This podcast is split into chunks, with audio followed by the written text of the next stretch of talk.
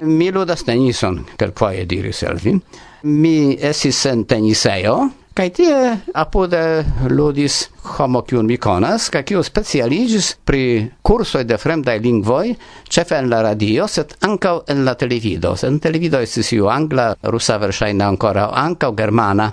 Li venis al mi kaj diris, sinjoro Roman, vi estas esperantisto, mi scias, ĉu ni ne povus fari iun kurson por televido pri Esperanto? Mi diris, oh, sinjoro, vi falis el la cielo por mi, ĉar ĝuste mi serĉas tian homon. Kaj li invitis min al sia hejmo, kaj ni rigardis diversajn kursojn, ĉefe en la angla, en la germana, franca, hispana. Mi pensis, no bone, oni povas adapti unu el tiuj filmoj, sed tio se terura grandaj kostoj, oni devas pagi do um, sperantomovado ne havas tiom da mono por aceti. Kaj li diris, oh, vi scias, mi havas bonan ideon. Kion ideon? Li metis novan kasedon kaj diris, Mazi in gondolant, en la angla lingvo, kiu esis cetere jam presentata en la pola televido. Mi rigardis ĝin kaj tiam mi prescaus venis, ne? Ke ĝuste tio estas bezonata mi pronte prenis de li, li contactis min kun la homo kiu distribuis la filmon en Pollando, desas firmao Tommy, kai li havis licenzon de BBC, char de Mazin Gondoland estis eh, produkto de BBC. Kai mi diris, signoro Thomas, bone, sed eh, estas problemo de licenzo. Kai diris, no, neniu problemo, mi giuste havas la licenzon, kaj mi preparas jam la polan lingvon, sed un povas esti en Esperanto. Cetere, li ancau diris al mi, mi conas vien esperantistoi. Esperantistoi esas idealistoj. vi nur capablas el spesi monon, cae mi povas pruvi al vi, ke per Esperanto oni povas ankaŭ gajni. Vidis bonenge, Da se, ĉu vi produktos? Bone. Kai post kelka tempo li diris al mi ke li aranĝis la aferon, BBC konsentas, li pagis al eh, BBC, li ne volis diri kiun sumon, kai ni povas comenci. Do mi komprenis, ke la materialo kiun vi ekvidis estis en la angla, do shaine iel vi devis adaptigi gin alla bezonoj de prezentado antaŭ la esperantistaro, ĉu? No jes, do mi preparis dudek minutan, mi diru, anons programon pri Mazi, Cio esis farita sen page. Mi ec usis tiam tre faman stelulidon de la pola televido, tre junan beata, cio consentis tute sen page ancau cesti, cer al si la afero placis, cae ni presentis tre, la mia opinio, interesan proponon por fari curson por la tuta mondo.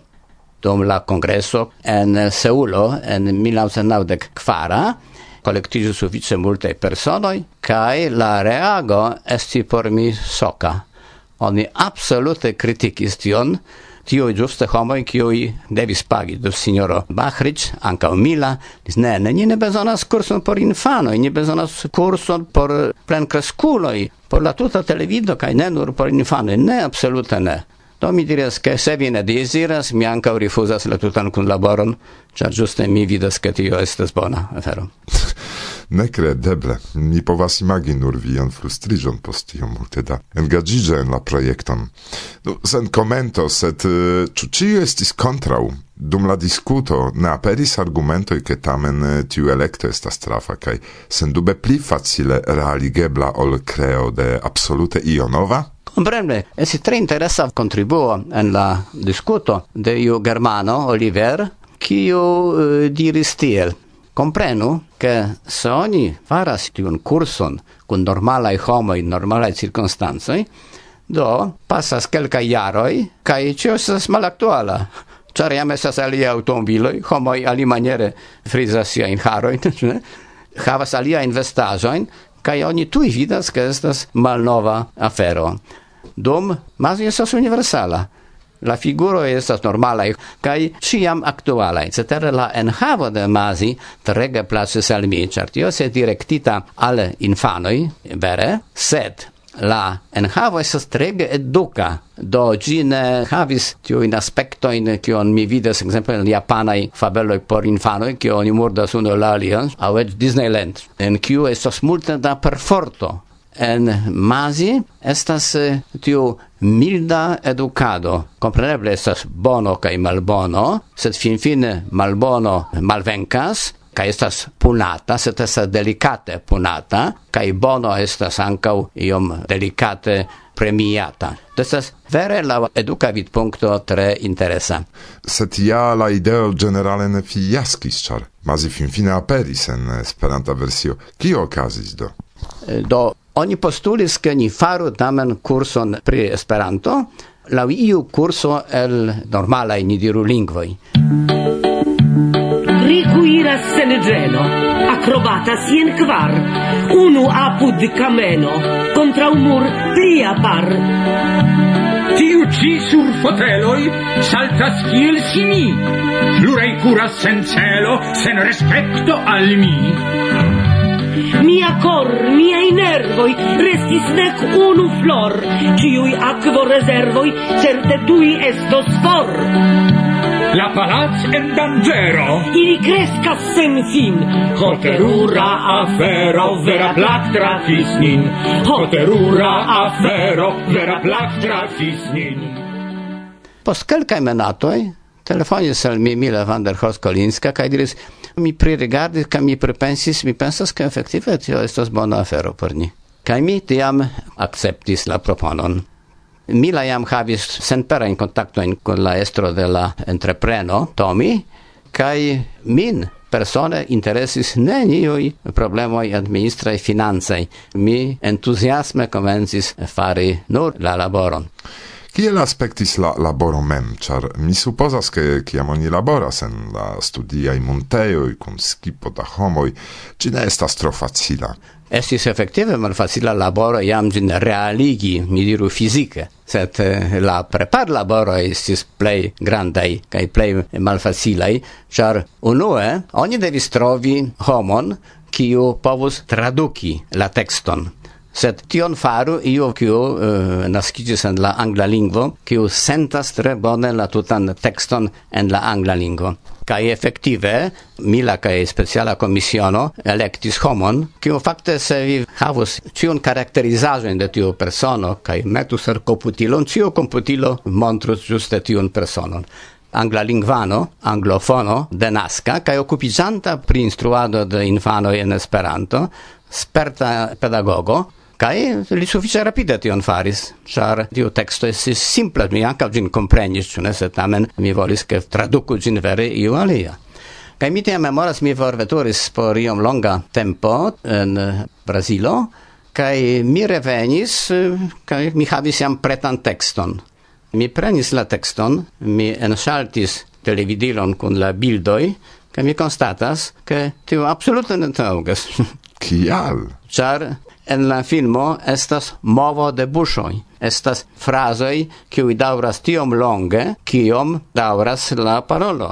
Finfine la filmo designita estis al la teksto, ne?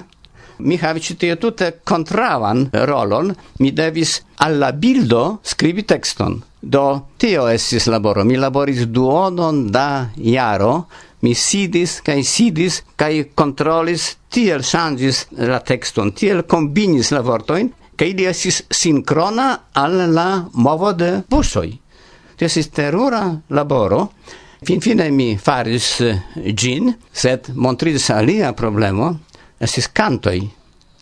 Char se oni faras canton en la radio, ne? Oni povas traduki kaj nur estu conforma alla melodio, al accentoi, sed tie ci, se estas personoi cantantai, estas iu sceno kun Silvia kaj Carlo, kiui cantas, contente, tia montrizas, che la vortoi devas esti ancau simultanai al tio kio okazas sur la bildoj. To ne nur la movo de buso, ne nur ritmo, rimoj, akcentoj, sed ankaŭ enhavo de la teksto devas esti kongrua kun la bildo. Do fakte ne estis tiel facile, ne nur simplan stataŭigo de la lingvoj. Ĉu vi havis dubojn, ke simple vi ne sukcesos? Kelkfoje okazis, che mi diris eh, mi ne estas competenta mi lasos tion al aliaj personoj. Sed vi mem kun Varsovia evento tion sias che se ogni donas al alia persono do vi attendas che fin fine vi devas man fari.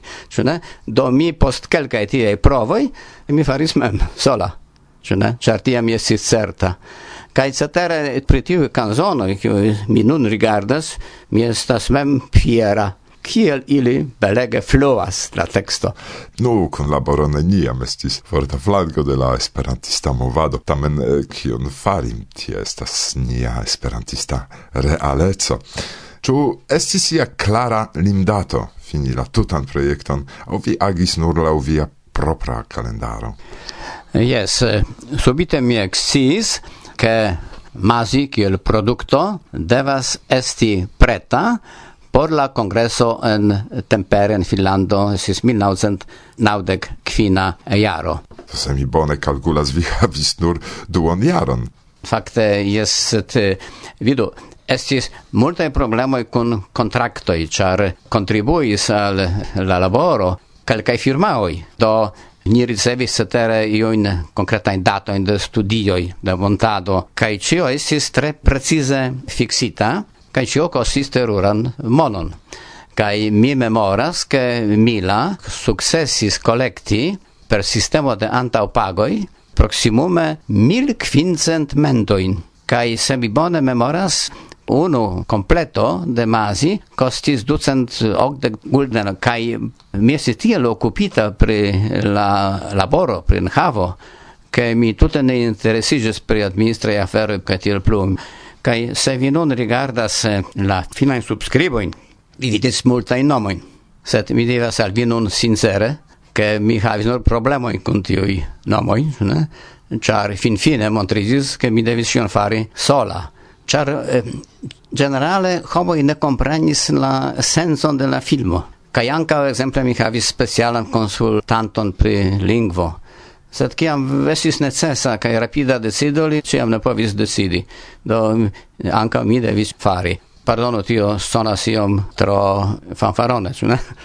Sed tia estis vero che laborante per la texto che mi memzin preparis, mi rimarkis che en la angla varianto, dum tuta filmo, che davis sebde fin minutoi, estis nur du, tri indicoi pri grammatico. Poste estis la alia parto, same do mm, changiante kai adaptante la tradukon al la bezonoi de la filmo, mi zorgis ne nur pri tio, ke estu giusta quanto da vortoi adekvata al la bildoi se ankaŭ mi trovis la ideon, ke se mi devas changi Cer ofte mi devis tute malongigi, ŝanĝi la tekston, cer gi esu tro longa. Do mi captis la ideon che mi povas ancau provi en conduci diversa elemento in pre Esperanto kaj en conduci elementoj de gramatiko. Laborante pri ĝi mi konstatis, ke en tiu unu kurso nur, la tiu mazi en Gondolando, ĉar la alia estis mazi revenas, oni povis prezenti la tutan bazan gramatikon de Esperanto, kio absolute ne estis ebla en la angla lingvo. Kaj tio in elemento gramatikaj, quo esis grafike prilaborita in amitio ne faris specialistoi tion faris, eh, do fakte oni povis kompreni pli malpli la tutan gramatikon de eh, Esperanto. Cune mi kaj vi, amikoj estas ni, mi kaj vi, pli kaj pli, amikoj estas ni. Cune mi kaj vi, amico estas ni, mi kaj vi, pli kaj pli, du amikoj ni.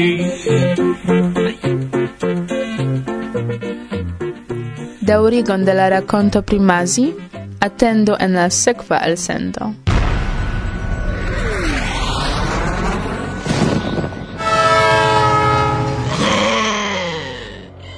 Forza via, vento. Y a tu mamá también. No mames. ¿Qué?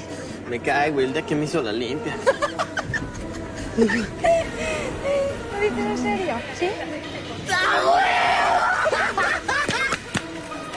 Revenas je malalto, tequila barato. Perdita en deserto Tenarto, sen frato E de la font Pesas qui elefanto Repas cu mimem Jasia en Esperanto.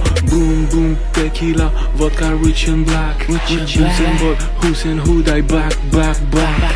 Plenigu glason, Plenigu la placon Pri da voz, mal pli da mur Pli la spazon. Bela visaggio de etai villagioi malsamai angeloi Neconatai hagioi restu onesta mia careta Drink un pli da likoron amaretan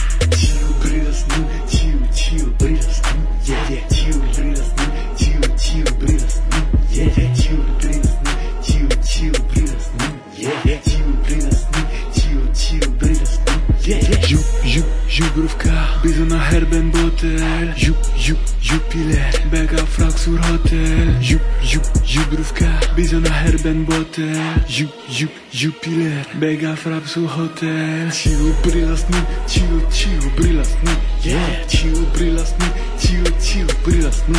Yeah, ciu brilas ni, ciu ciu brilas ni. Yeah, ciu brilas ni, ciu, ciu brilas ni. Yeah.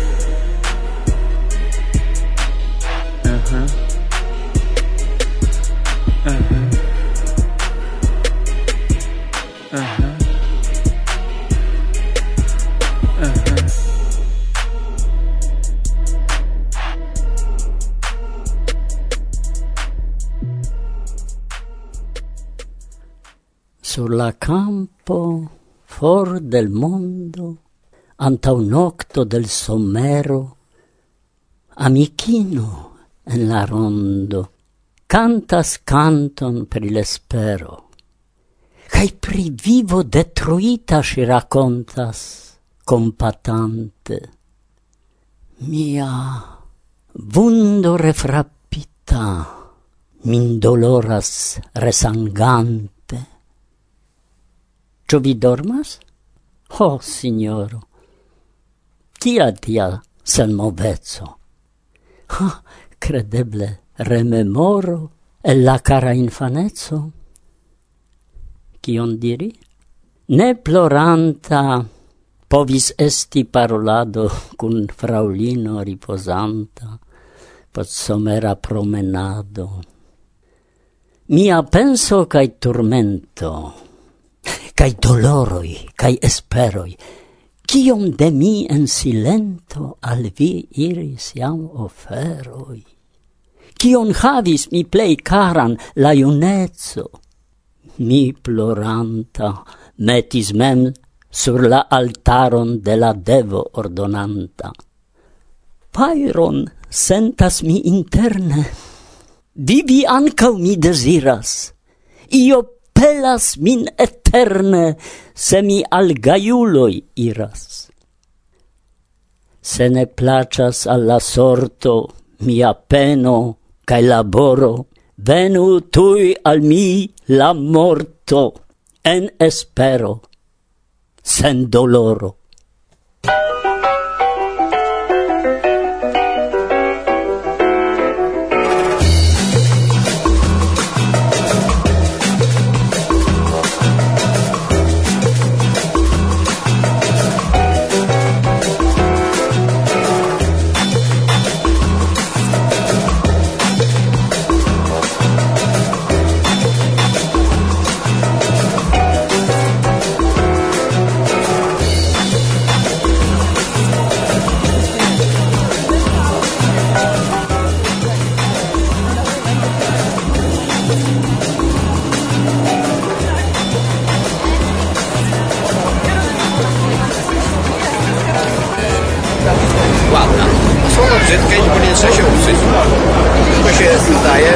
daje przedrostek al. To na przykład o Y estas alta. Y. Alta. Alta. Wysoki. Mi. To.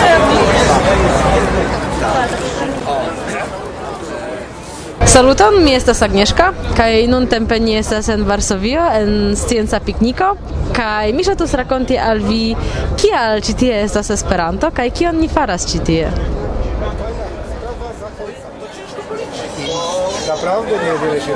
Do, estas jam teknała scienca pikniko, kiu okazas en Varsovio, kaj ni esperantistoj ankaŭ havas nian tendon ĉi tie, ke ni povas prezenti eh, nian lingvon kaj jam ni estas ĉi tie sesan fojon. Ĉiu tiu scienca pikniko okazas unufoje dum la jaro en eh, majo kaj ĉi tie la rezultoj de nia laboro eble ne estas tiom imponaj kiel ni ŝatus, sed eh, plej grava afero estas tio, ke ni daŭre sigas homoj pri la lingvo ke ĝi daŭre ekzistas kaj vivas kaj ni esperantistoj ne malaperis de la mondo.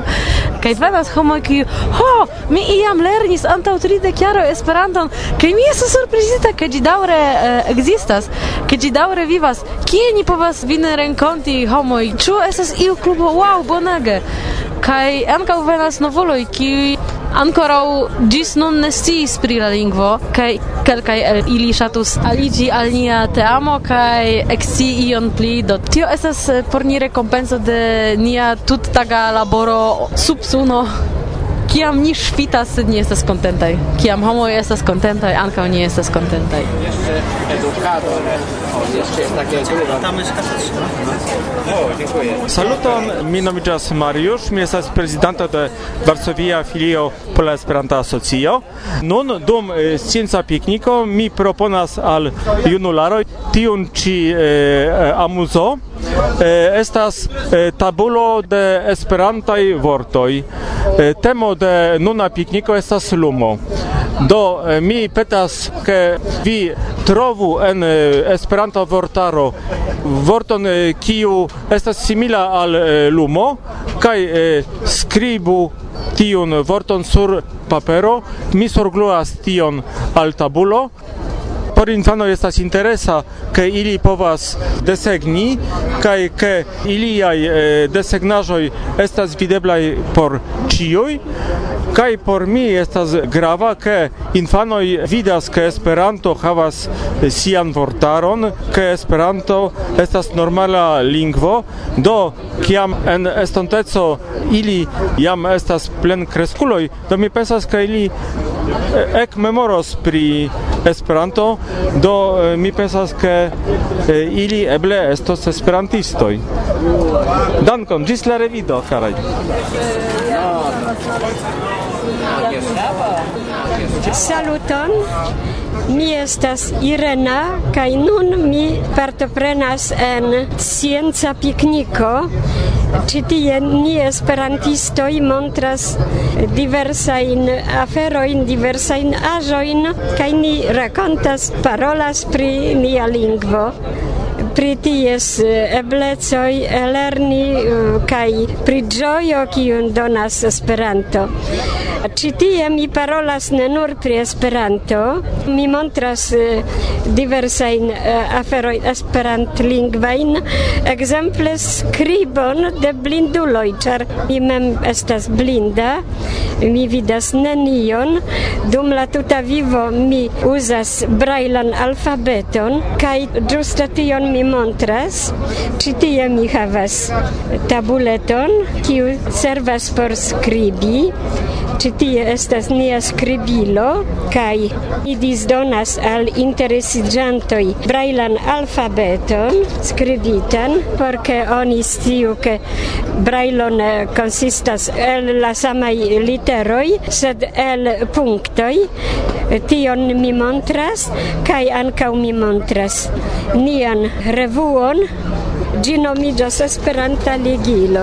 Jen, ĝi estas Tio estas marta numero en la jaro 2015, do aktuala. Ĵus mi legis tre interesan aferon. Ekzemple, kia maniere ekzerci propran cerbon, ke ĝi ne rustiĝu, se temas pri maljunaj homoj.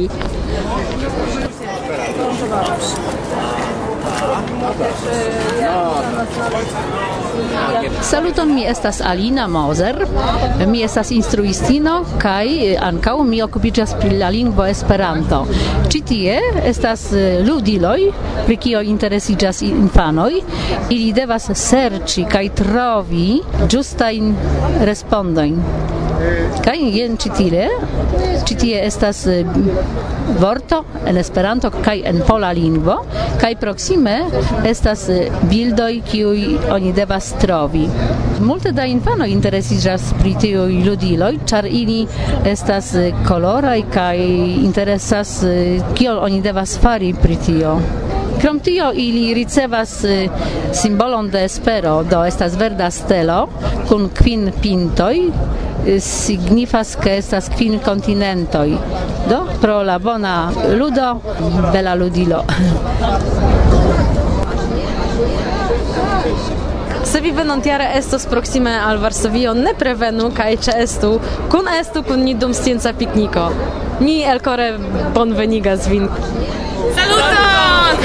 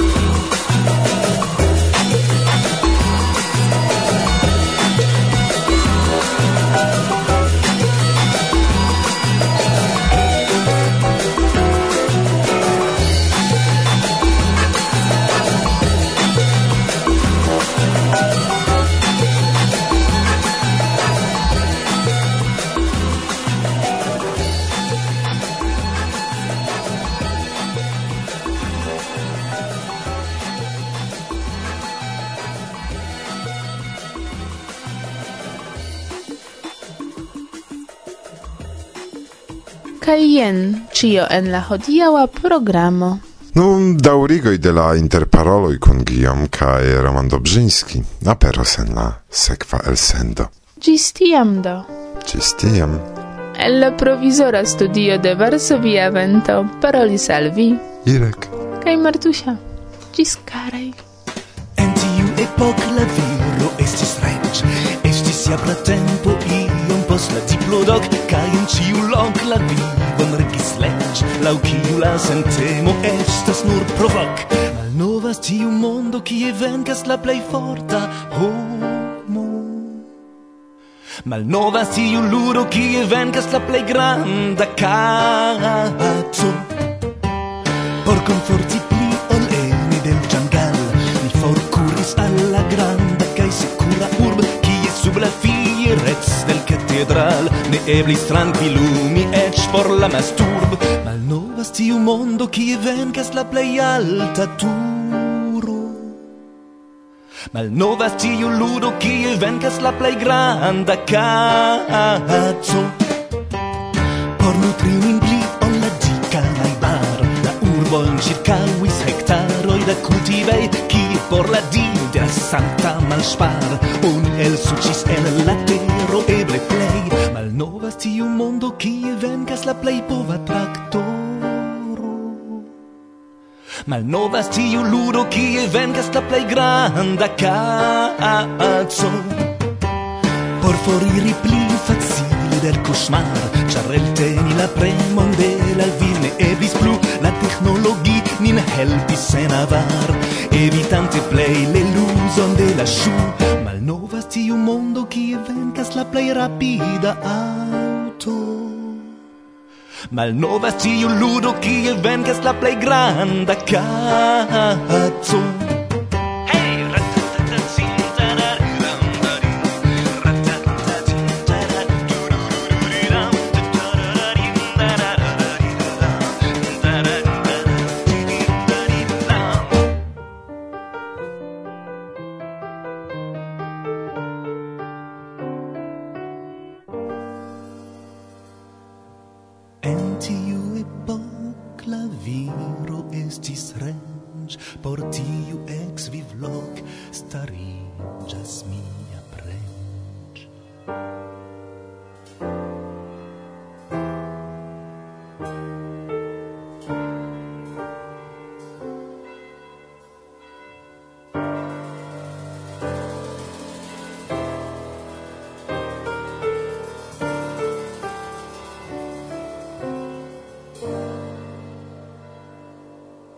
malnovas tiu mondo kie venkas la plej granda.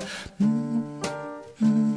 malnovas tiu mondo kie venkas la plej larĝa Mal malnovas tiu mondo kie venkas la plej longa.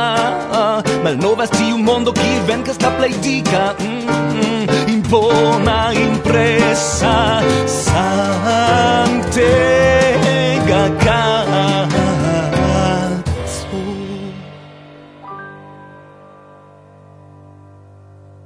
Varsovia vento, bla bla bla.